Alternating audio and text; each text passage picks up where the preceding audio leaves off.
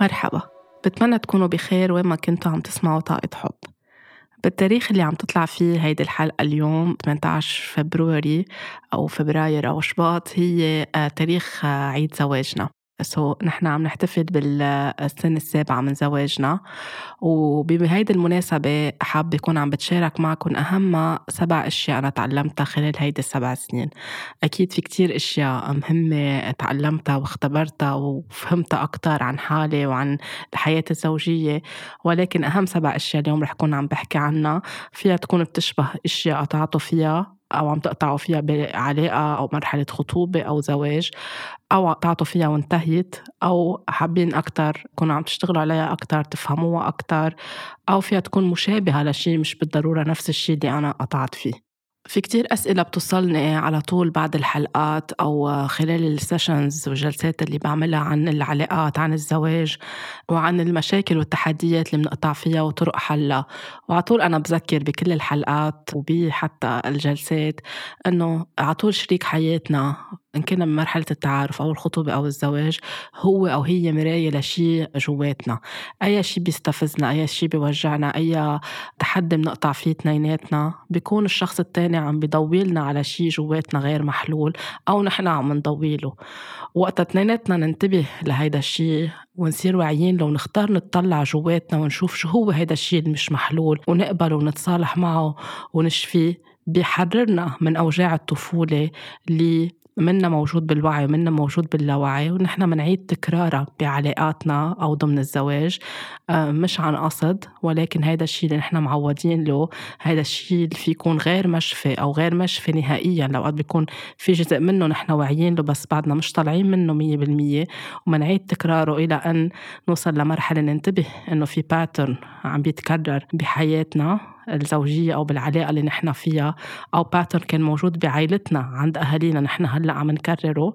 فبس ننتبه لهيدا الشيء وناخد قرار نشتغل على حالنا. هيدا الشيء في يكون عم بينقل الزواج أو العلاقة من مرحلة معينة لمرحلة نضوج لمرحلة تفهم أكتر ثقة أكتر ووعي أكتر. ولأنه العلاقة هي شخصين يعني it takes two persons. بيتطلب بالأمر آه، شخصين ليكونوا عم بيعملوا علاقة ليكونوا عم بيبنوا علاقة عم بيأسسوا زواج. من هيك على طول الشخصين بحاجة يكونوا عم بيشتغلوا على حالهم. كل شيء نحن بضايقنا بحالنا بضايقنا بالشخص الآخر أو بالعكس بضايق الشخص الآخر بحاله أو فينا.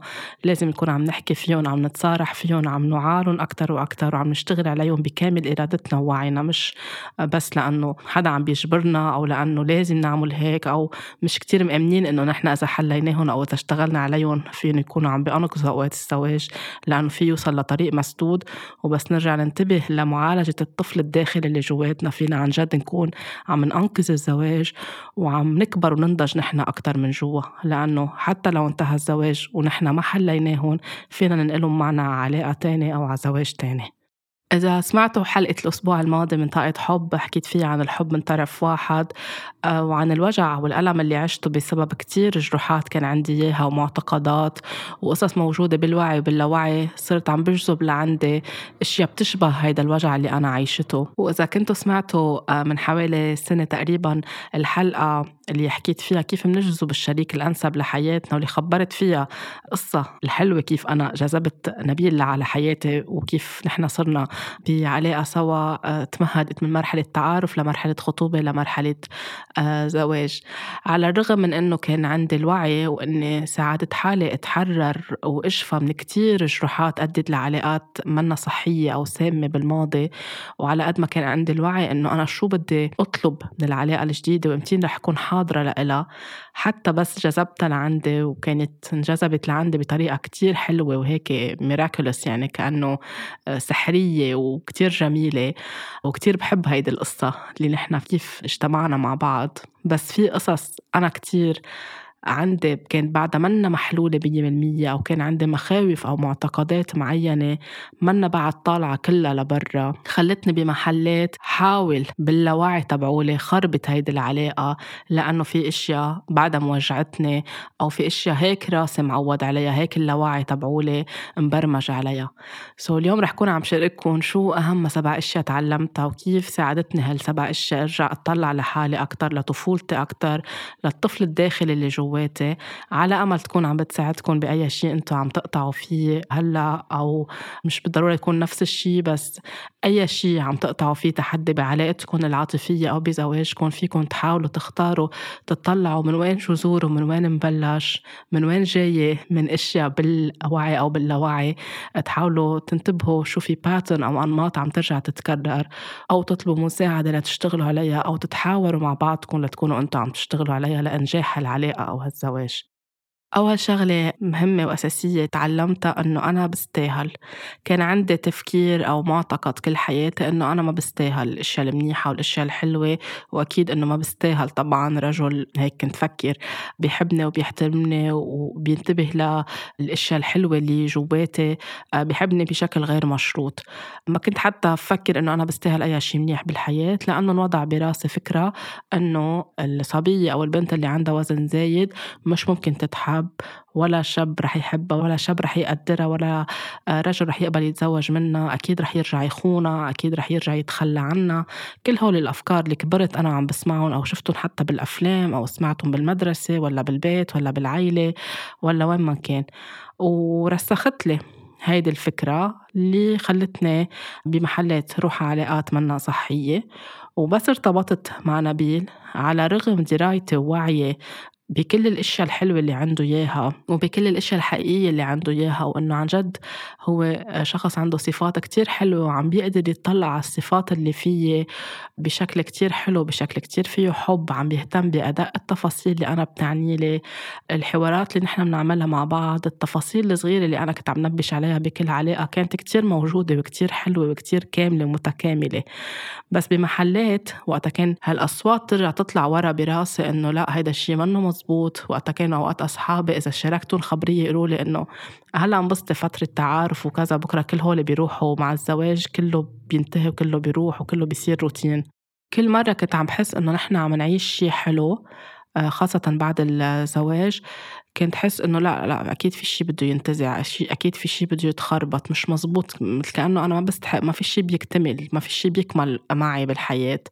فاللاوعي تبعولي اللي معود ال comfort zone تبعوله أو المنطقة الآمنة والمريحة إنه على طول كان عايش بانعدام أمان. صرت حاول إنه خربط هيدا الشيء كيف؟ من خلال ظروف أو أشياء أو تحديات نقطع فيها أو شريعة نقطع فيها أو يعني أخلق شريعة من شيء أنا محسسني قبل بانعدام الأمان أو إنه أنا ما بستاهل لكون أنا عم خربط هيدي العلاقة. كنت أتذكر وقتها كانوا ناس يقولوا لي نحن وصغار أو بالمدرسة أو أي محل إنه أكيد إذا مثلا عم نحكي عن الشباب وعن علاقات إنه أكيد أكيد أنت ما حدا رح يحبك. أكيد أكيد إنه ما في حدا رح يكون عم بيطلع فيك لأنه ولا شاب بينجذب لبنت عندها وزن. بالوقت اللي كان وقت أنا تعرفت على نبيل كان عم بيرجع شوي صغيرة يزيد أنا وزني من بعد ما نزلت كل الوزن ولكن كان هو عم بيطلع فيي بطريقة كاملة متكاملة مش بس شكلا ولكن مضمونا وقلبا وروحا. فصرت انقز صرت خاف إنه بركي كان معهم حق بركي أنا عم بعيش وهم. هات لخربط هيدي العلاقة. وبمحلات صرت انتبه ووقف حالي ولاحظ وين ال pattern عم يرجع يكرر حاله إني أنا عم بعمل sabotage أو عم بحبط هيدي العلاقة. وصرت أختار أرجع أقعد أكثر مع حالي وأطلع جواتي وشوف شو هو هيدا الشك من وين جاي هيدي الأصوات من وين عم تجي. وحاول إني مش بس سكتها لكون عم بس هيك شيلها على جنب. افهم إنه هيدي عبارة عن أوهام أو أكذوبة أو واقع أو أفكار معينة المجتمع بيبنيها أو الناس بنيتها أو الناس قالت لي إياها منا حقيقية منا صحيحة هيدي وجهة نظرهم لإلهم. بس الحقيقة والشي الصح والثابت هو أنا العلاقة اللي أنا فيها والشخص اللي أنا معه وكيف هو عم بيعاملني وكيف عم بيطلع فيي وكيف عم بيحترمني وكيف عم بيحبني. ف من الأشياء المهمة اللي تعلمتها إنه أنا بستاهل. ونحن بحياتنا وبعلاقاتنا أوقات منخربط هيدا الشيء لأنه منآمن ومنصدق إنه نحن ما بنستاهل بس نختار نشتغل على معتقداتنا ونتحرر منهم. وأوقات ما بيطلعوا معنا كلهم. أوقات بيصير شغلة منحلها بعد سنتين بيرجع بيصير شي تاني بتذكرنا بمعتقد آخر نحن عنا إياه. سو مرة على مرة بس نقدر هيك نكون عم نطلع على الأشياء بوعي ونفهم إنه هيدا ال pattern أو هالنمط مرتبط بهيدا المعتقد. هون عم كرر شي كنت كرره أنا وصغيرة. هون عم بعيد شي أهلي كانوا يعملوه. هون عم بقول شغلة المجتمع نمالي إياها براسي. بس ننتبه على هول التفاصيل. فينا نكون نحن عم نغير المعادلة شوي شوي. وأوقات بتصير من خلال شيء الشخص التاني بيستفزنا فيه. يعني في يكون عم يعمل شريك حياتنا أو شريكة حياتنا شغلة تستفزنا هيدا الاستفزاز أو هالغضب اللي بنحسه بيكون هو مثل عم بيضويلنا على شيء جواتنا غير محلول. كمان هون نحن بحاجة نكون عم نطلع على هيدا الشيء ونفهم هو مراية لشو جواتنا. وهون بس كمان هيك نطلع بحب وبرأفة على هالأشياء اللي عم بيضويلنا عليها. بنصير عم نفهم إنه it's not about him or her. يعني مش هن المشكلة أو مش هن عم بيعملوا هيدا الشيء قصدا معنا. باللاوعي تبعولنا. عم نرجع نخلق شيء عم نعمل بروجكشن يعني منشيل هيدا الشيء باللاوعي عنا اللي بيوجعنا ومنبرمه بدل ما نطلع عليه منكبه على الشخص التاني. الشخص التاني بيجاوب أو بيعمل ردة فعل بتشبه الشيء اللي نحن عشناه نحن وصغار وبتصير عم بتكفي وعم بتكفي وعم بتكفي وتكبر لحد ما نحن ننتبه إنه في شيء بدنا نطلع عليه جواتنا. الشغلة التانية اللي تعلمتها أنه هي كتير مهمة وأساسية أنه أنا بنحب وأنه أنا محبوبة. لأنه كمان أنا تبرمجت كل حياتي أنه أنا غير محبوبة. وكلنا بحياتنا منتربى من نحن وصغار على أنه نحن مننحب إذا إذا جبنا علامة منيحة. إذا برعنا بهال الأكتيفيتي أو النشاط اللي عم نروح نعمله. إذا أهلنا بدهم إيانا نتعلم موسيقى ورحنا وبرعنا بهيدا الشيء نحن عم نرضيهم.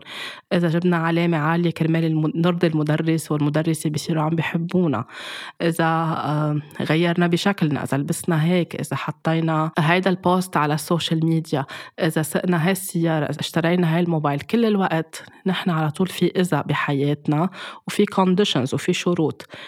ووقت نكون بطفولتنا كل الوقت حفظوا لنا إنه تعملوا هيك بنحبكم بتاكلوا كل اكلاتكم بنحبكم أوقات إذا حتى بننضرب بنصير عم نفكر إنه هيدا الضرب أو العنف أو الإساءة اللفظية أو الجسدية أو تحرش أو إساءة جنسية بنصير عم نفكر إنه هيدا الشيء equal للحب. فبراسنا بنصير حتى لو نحن آه، على كبر في حدا أساء لنا بالعلاقة بنصير نمزجهم مع بعض لأنه راسنا صدق اللاوعي عنا صدق إنه هيدا equal حب. ف كل الوقت نحن مبرمجين على إنه إذا عملنا هيك وكان شكلنا هيك وكنا هيك نحن بننحب وأنا بحياتي كتير كان في برمجة خاصة على موضوع الشكل الخارجي إنه إذا نزلتي وزن بتنحبي إذا ما نزلتي وزن ما بتنحبي ولا رجل رح يحب امرأة عندها وزن فهيدا خلق لي كتير شك بحالي وتكرر بمحلات كتيرة بحياتي وأثبت لي إنه ما في رجل بيبقى معي. كرمال هيدا الموضوع. ولو بيحبوا كتير قصص تانية فيي بس بس يوصل الموضوع للشكل مش هيدا الشيء اللي هن بدهم إياه وتعزز عندي بالطفولة بالمدرسة وبالعيلة وبالعيلة الكبيرة وين ما كان.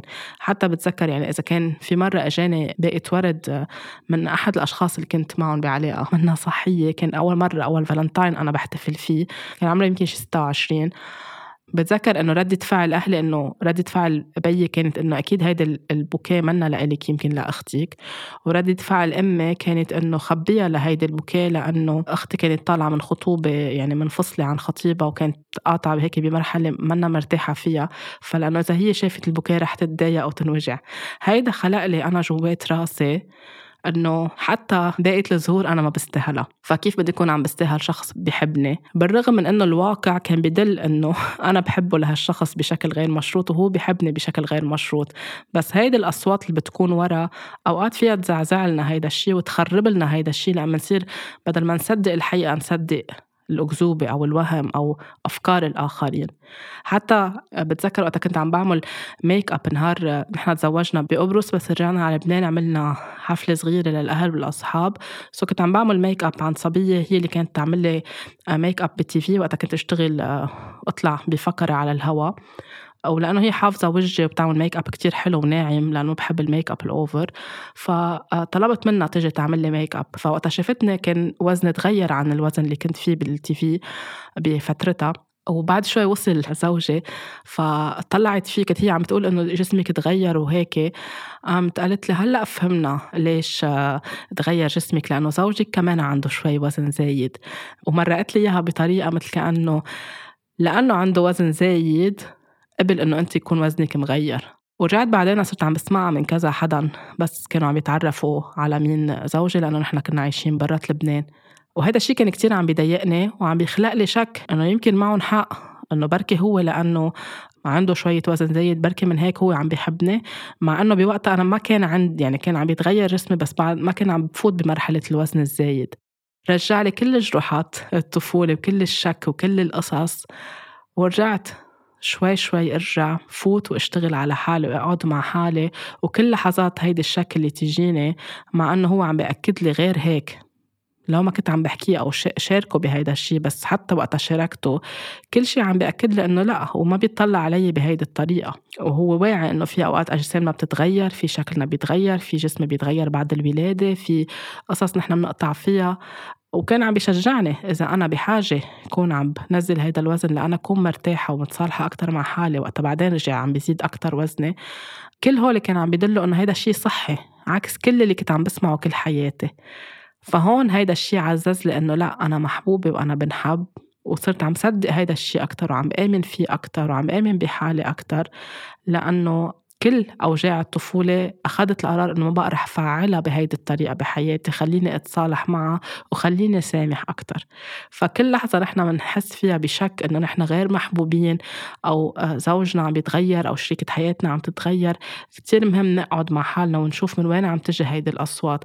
هل عن جد في شي عم بيتغير؟ نحكي مع بعض ومنصارح بعض. ونشوف ليش عم بيتغير هيدا الشيء وإذا ما عم بيتغير هو بس وهم نحن عم نعيشه أو خوف بدنا نطلع جواتنا ونحاول إنه نداوي هيدا الشيء ونحكي عنه ونكتب عنه أكتر أو نطلب مساعدة اختصاصي. الشغلة الثالثة كمان المهمة اللي تعلمتها إنه في أمان داخل الزواج.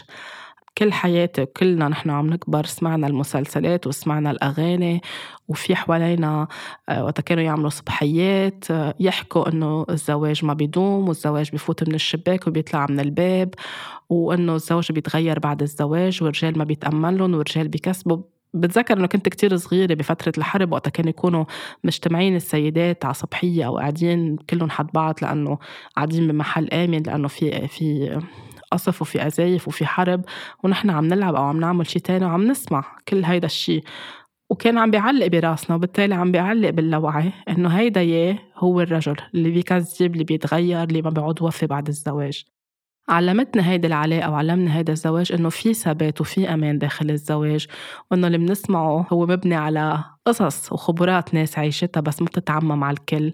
وهو مبني كمان على جروحات لأنه وقت يصير في خيانة وقت يصير في تغير وقت يصير في كل هيدي الأشياء. كمان في جروحات غير مشفية عند الرجل وغير مشفية عند المرأة.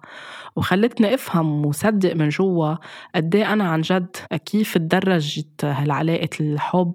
بلشت كصداقة رجعت وقتها اقترح نبيل أو he proposed إنه نحن نفوت بعلاقة رسمية. وهو كان عنده already مشاعر تجاهها بس أنا ما كان عندي مشاعر وقدرت أكون صريحة معه وأقول هيدا الشيء وإنه خلينا نحاول نتعرف على بعض ونشوف وين بتودي هيدي العلاقة. بس لأنه كنا نقعد نحكي كتير نحكي بكل التفاصيل كل التحديات اللي ممكن آه، إذا صار معنا هيك بالحياة كيف نتصرف هون بالزواج كل الأمور الكبيرة كل القصص اللي لازم الاثنين يكونوا عم يتشاركوا فيها.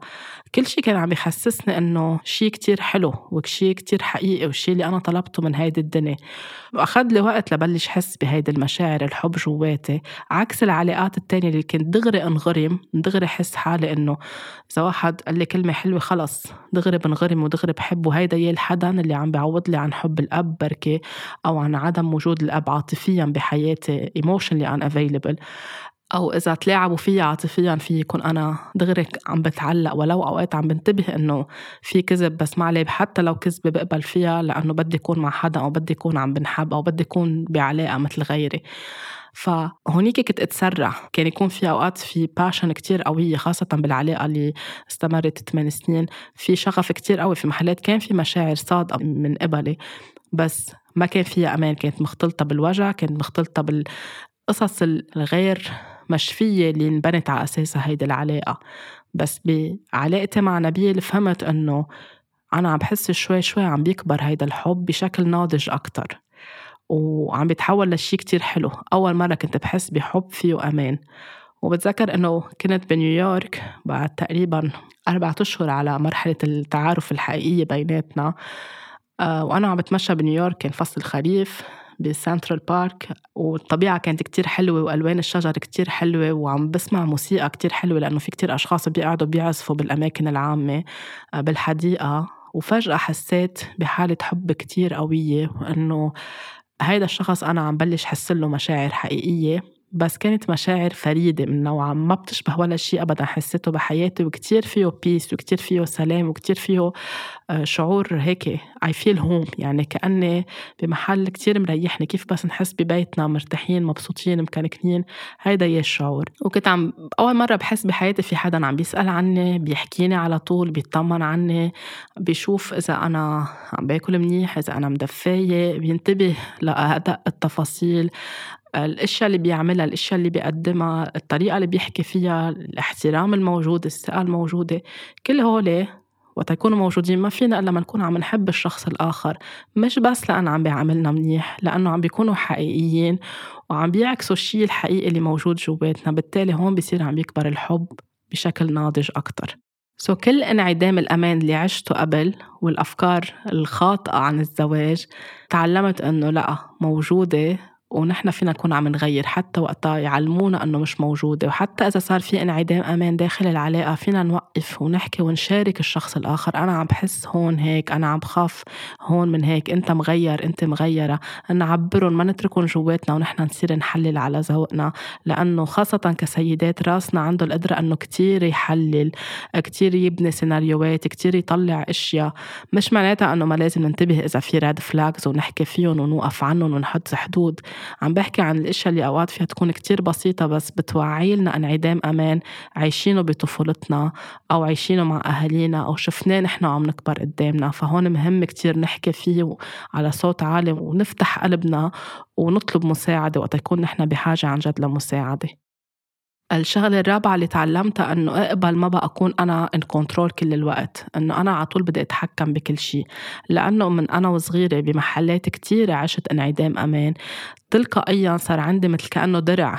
أنا لابسته أو حطيته حوالي لكون أنا عم بحمي حالي لأنه ما وجد مين يحميني أو مين يحسسني إنه أنت بأمان مية بالمية وفي حدا عم بدافع عنك وفي حدا ماسكك وفي حدا لو شو ما صار في شيء آمن أنا فيي يكون أنا عم برجع له. هول من وجدوا. فتلقائيا صرت أنا أوكي أنا اللي بحمي حالي مع الدرع تبعولي كيف هيدا الدرع اللي كانوا يلبسوه من زمان بس يروحوا على الحروب الحديد الكبير. كأنك تحط هيك شيء حوالي.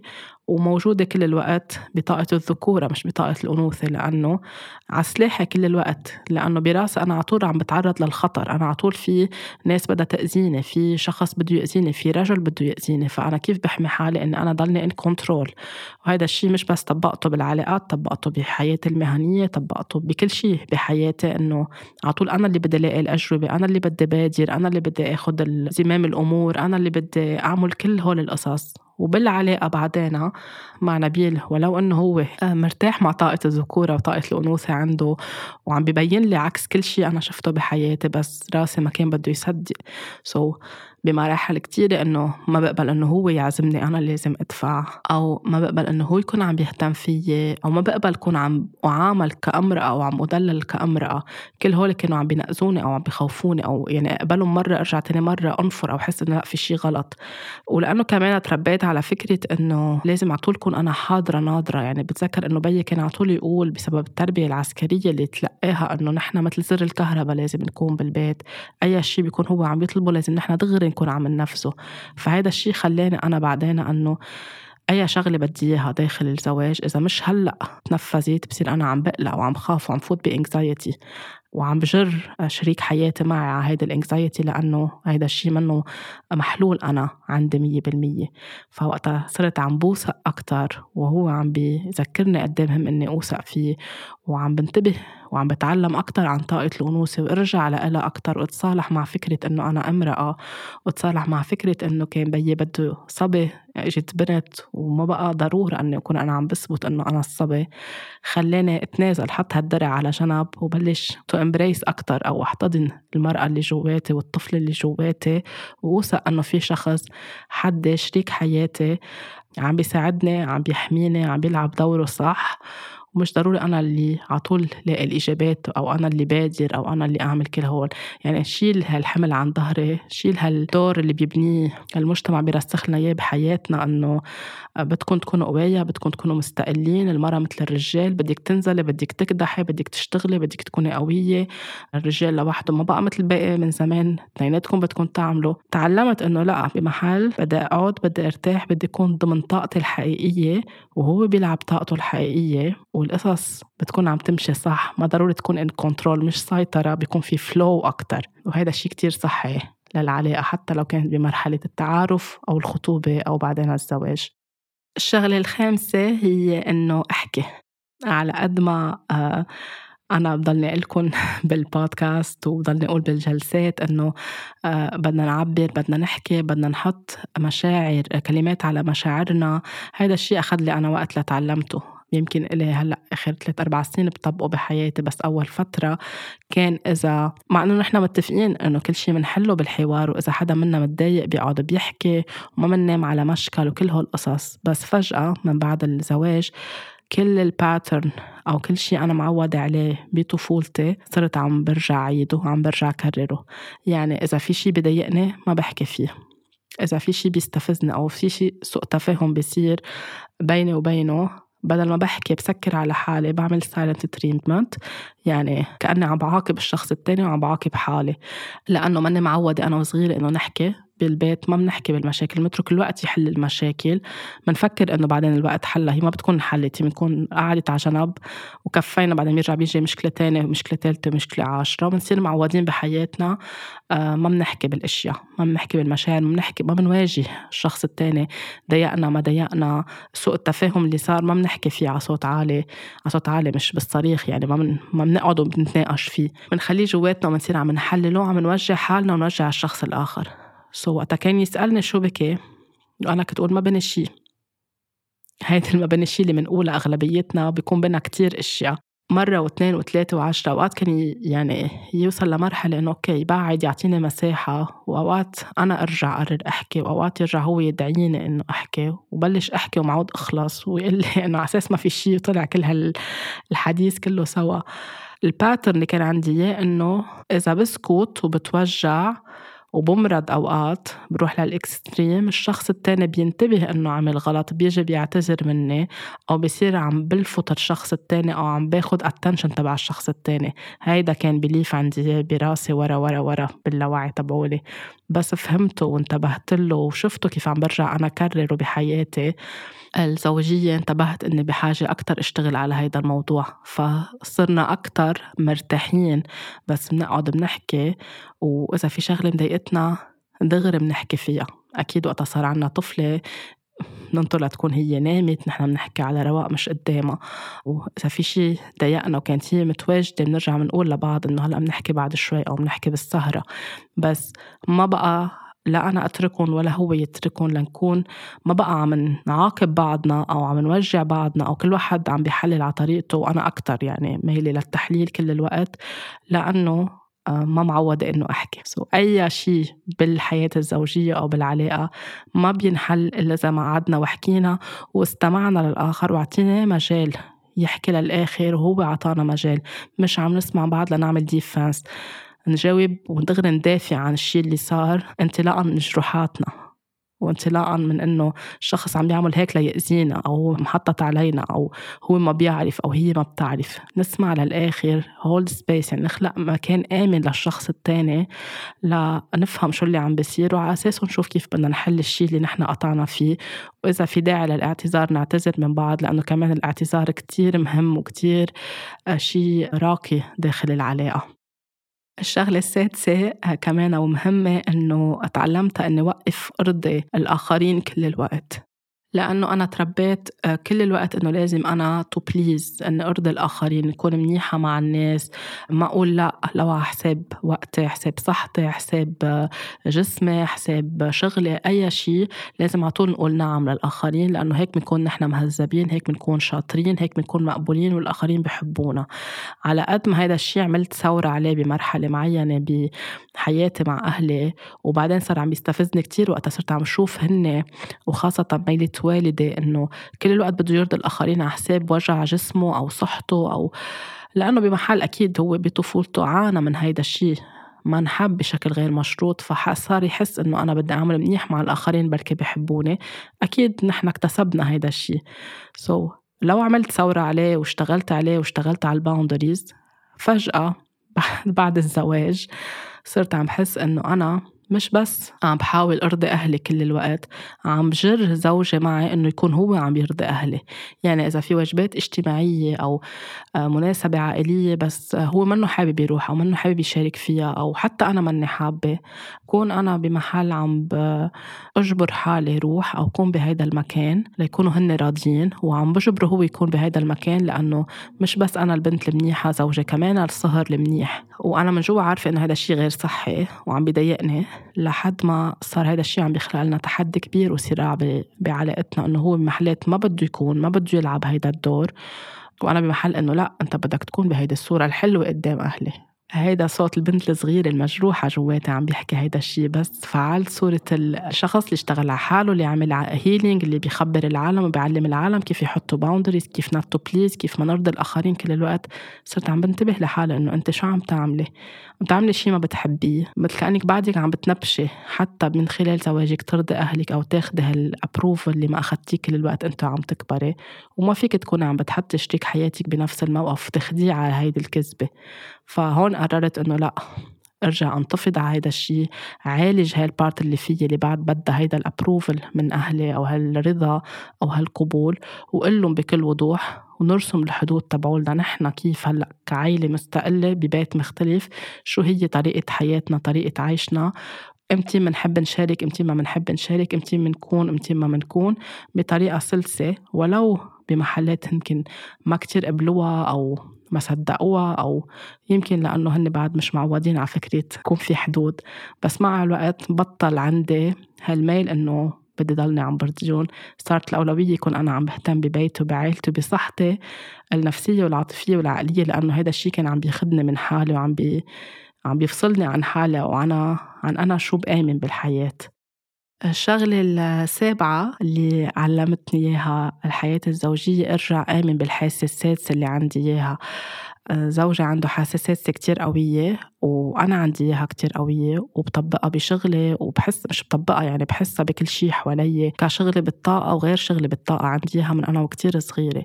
ولكن بمحلات معينة حتى قبل ما نتزوج خاصة بشغلي لأنه بميل إني أرضي الآخرين. كنت أشوف إنه مثلا هيدا الشيء بالشغل القرار اللي عم باخده منه كتير صح ومنه كتير سليم بس كنت روح فيه للآخر لو بدي شقف حالي بس مهم أكون عم بنجح بهيدا الشغل وعم فرجي مدرائي بالشغل إنه أنا worthy إنه أنا عندي قيمة من جوا أو على قد هيدا الحمل.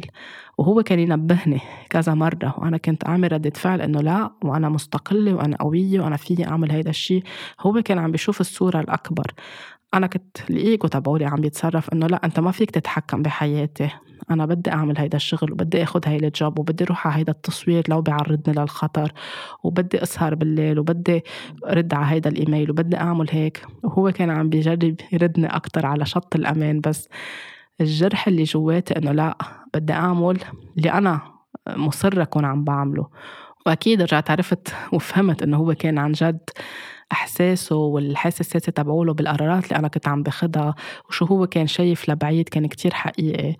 وعلمني ارجع اسمع لهيدا الشيء وحتى بعد الزواج وقتها في محلات معينة رجعت اتنسيت هيدا الموضوع وبخيارات معينة بشغلي كهيلر. أخذتها ناس اشتغلت معها قصص مشتركة ك workshops كقصص تانية عملتها مشتركة. بمحلات كنت عم بحس إنه هول الأشخاص ماني واثقة 100% بال approach تبعولن أو هن كيف بيشتغلوا بمجال العلاج بالطاقة. بس في هذا الصوت اللي فيي إنه غض النظر بعدني عم كرر نفس ال pattern فهو إذا كان يكون معي مثلا كانت ياسمينة صغيرة وعم بيلعبها وعم بيسمع شو عم بيصير حديث أو إذا كانوا يجوا لعنا على البيت يحس بطاقة معينة يقول لي أنت أكيد من هول الأشخاص؟ أنا إنه إيه أكيد ولا؟ عارف من جوا أنا عم كذب على حالي. يذكرني مثلا تذكري شو صار مع فلان؟ بتتذكري شو صار مع فلان؟ أنا أقول له إنه بس هيدا مش مثل هيداك وهيدي مش مثل هيدا. ونوصل بالآخر للحقيقة اللي هو كان عم بيقول لي إياها كل الوقت. كان يرجع يبتسم ويضحك يعني ما كان يشمت بقراري الخاطئ اللي أخذته بس أرجع أوصل للحقيقة. ولكن كان يرجع يذكرني طب ما أنت عندك حساسات قويه وعندك إلهام قوي وهيدي موجودة بطاقتك أنت كامراه أو موجودة عندنا بطاقة الأنوثة تبعولنا. رجعي استخدميها مثل ما بتستخدميها بشغلك. ما أنت اللي بتقولي لي هون هيك وهون هيك ليه وقت عم يوصل الدور لعندك؟ عم ترجع تساومي عليها. لأنه من جوا أحكي بالأشياء على صوت عالي بركي زعلوا بركي أخذوا فكرة سيئة. شو يعني أفسخ ال contrat أنا؟ شو يعني غير؟ من بعد ما كنت اتفقت مع العالم أجي لهم بدي أعتذر. ما رح نمشي بهيدا الاتفاقية. كل هول كنت أجلهم أو ساوم عليهم على أن أكون عم بسمع لصوت الداخلي. فتعلمت بالزواج إنه لا اسمع لصوت الداخلي اسمع لطاقة الأنوثة اللي فيي اسمع للحاسة السادسة واسمع لزوجي لأنه وقت يكون عم شريك حياتنا وقت عم بيلفت لنا نظرنا على شيء مش دغري الإيجو يتصرف فينا مش دغري لأنه بدنا نثبت وجهة نظر معينة أو لأنه في شيء غير واعيين لإله جاي من جروحات الطفولة نعمل ردة فعل ديفنسيف ناخد الملاحظة بعين الاعتبار نسمعها للآخر نتناقش فيها ونشوف شو الآخر عم بيقلنا نرجع نطلع على الشيء اللي قدامنا إذا معه حق أو لا. أوقات يمكن بدنا نفوت فيه على الآخر ونرجع نتعلم إنه كان معه حق أو كان معها حق. ولكن نرجع نحاول نصحح هيدا الشيء فهيدي هي أهم سبع أشياء أنا تعلمتها بهول سبع سنين. أكيد في كتير أشياء تانية أكيد في قصص كتير مهمة وكتير حلوة ولكن اليوم عم شارككم بهول القصص لأنه فيها تكون موجودة عند كل حدا قطعتوا فيها أو عم تقطعوا فيها أو انتهيت واشتغلتوا عليها. إن شاء الله تكون هيك ساعدتكم تطلعوا لجواتكم أو تفكروا أكتر. أي شيء حتى لو مش مثل هول السبعة عم تقطعوا فيه. على طول تسألوا حالكم هل هو انعكاس لشيء غير مشفي جواتنا؟ مثل ما سألت ببداية الأسبوع على الإنستغرام هل استمرارية ونجاح الزواج هي بالخضوع هي بالصمت هي بالقبول بالمساومة أو بالحوار الدائم أو بشفاء الطفل الداخلي أو باللجوء لأختصاصي أو اختصاصية؟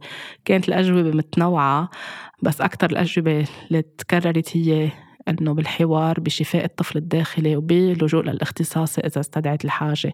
حتى الأشخاص اللي جاوبوا بالخضوع وبالقبول بقدر أفهم لأنه هيدا الشيء يمكن جاي من شو نحن تعودنا نحن وصغار إنه بنقبل الواقع مثل ما هو. بلا ما نوجع راسنا بلا ما نفوت بتفاصيل بدها تاخد منا وقت ومجهود نشتغل عليها لنصلحها. أي محل عم بتحسوا فيه ريد فلاج أي محل عم بتحسوا فيه خوف جاية من انعدام أمان أو من قصص من الطفولة. قعدوا وحكوا مع الشخص الآخر اطلبوا إنكم تحكوا ما تخافوا إنكم تحكوا قووا قلبكم واطلبوا حتى إذا مش قادرين دغري تحكوا مع شريك حياتكم أو الشخص اللي عم تتعرفوا عليه أو بمرحلة خطوبة. يمكن فيكم تستعينوا باختصاص يساعدكم يقلكم كيف تحكوا. يمكن تروحوا اثنيناتكم وتحكوا بهيدي الأشياء.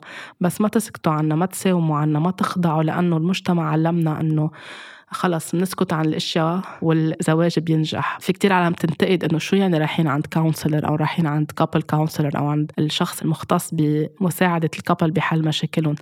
مش غلط نروح مش عيب نروح مش عيب نقول إنه نحن عم نقطع بتحدي بحياتنا الزوجية أو بمرحلة الخطوبة أو التعارف. ما نسكت عنها وبعدين توجعنا أكثر وتؤدي لمشاكل أكبر. واوقات نكون عم نرجع نعيد نفس النمط اللي نحن عشناه بطفولتنا. نورط الشخص الثاني معنا ونورط أطفالنا إذا اخترنا نجيب أطفال بس لأنه ما بدنا نطلع جواتنا.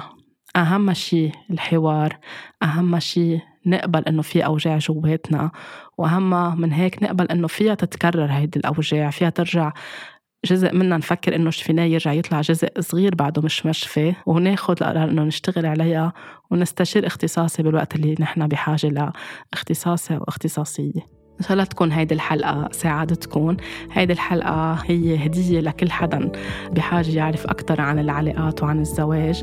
وهي كمان تحية امتنان وحب لزوجي بعيد زواجنا لنبيل. لقله شكرا على كل المحلات اللي ساعدني اطلع جواتي اللي ساعدني ضوالي على أشياء كثيره أنا كنت بحاجة بعد أشتغل عليها وأفهم حالي أكثر وحب حالي أكثر وعلى كل اللحظات الحلوة اللي عشناها سوا واللي قدم لي إياها وإن شاء الله بتكبر وبتمتد أكثر وأكثر اليوم بس اطلع على علاقته بياسمينة بنتنا ببتسم من كل قلبي وبحس بامتنان لأنه هيدي العلاقة الحلوة بين البي والبنت اللي هي بتبني شيء كتير حلو بتخلي البنت تكبر وتعرف تكون عم تختار شريك الحياة الأنسب واللي بيستاهلها وبتستاهله. طاقة حب كتير كبيرة مني لإلكم بالأسبوع الجاي رح كون عم بحكي كيف نحن مش بس يعني اليوم حكيت كيف نحن منعيد تكرار جروحاتنا. بالأسبوع الجاي رح أحكي نحن كيف منعيد تكرار أهالينا والأنماط أو القصص اللي نحن ما بنحبها كانت موجودة فيهم. نرجع بنكررها بحياتنا. ليش منعيد نكررها؟ وكيف فينا نشفيها؟ فانطروني الأسبوع الجاي بهيدي الحلقة اللي كمان فيها تكون عم بتساعدكم كتير بحياتكم العاطفية أو بعلاقاتكم وطاقة حب كتير كبيرة مني لإلكم اهتموا على طول بحالكم.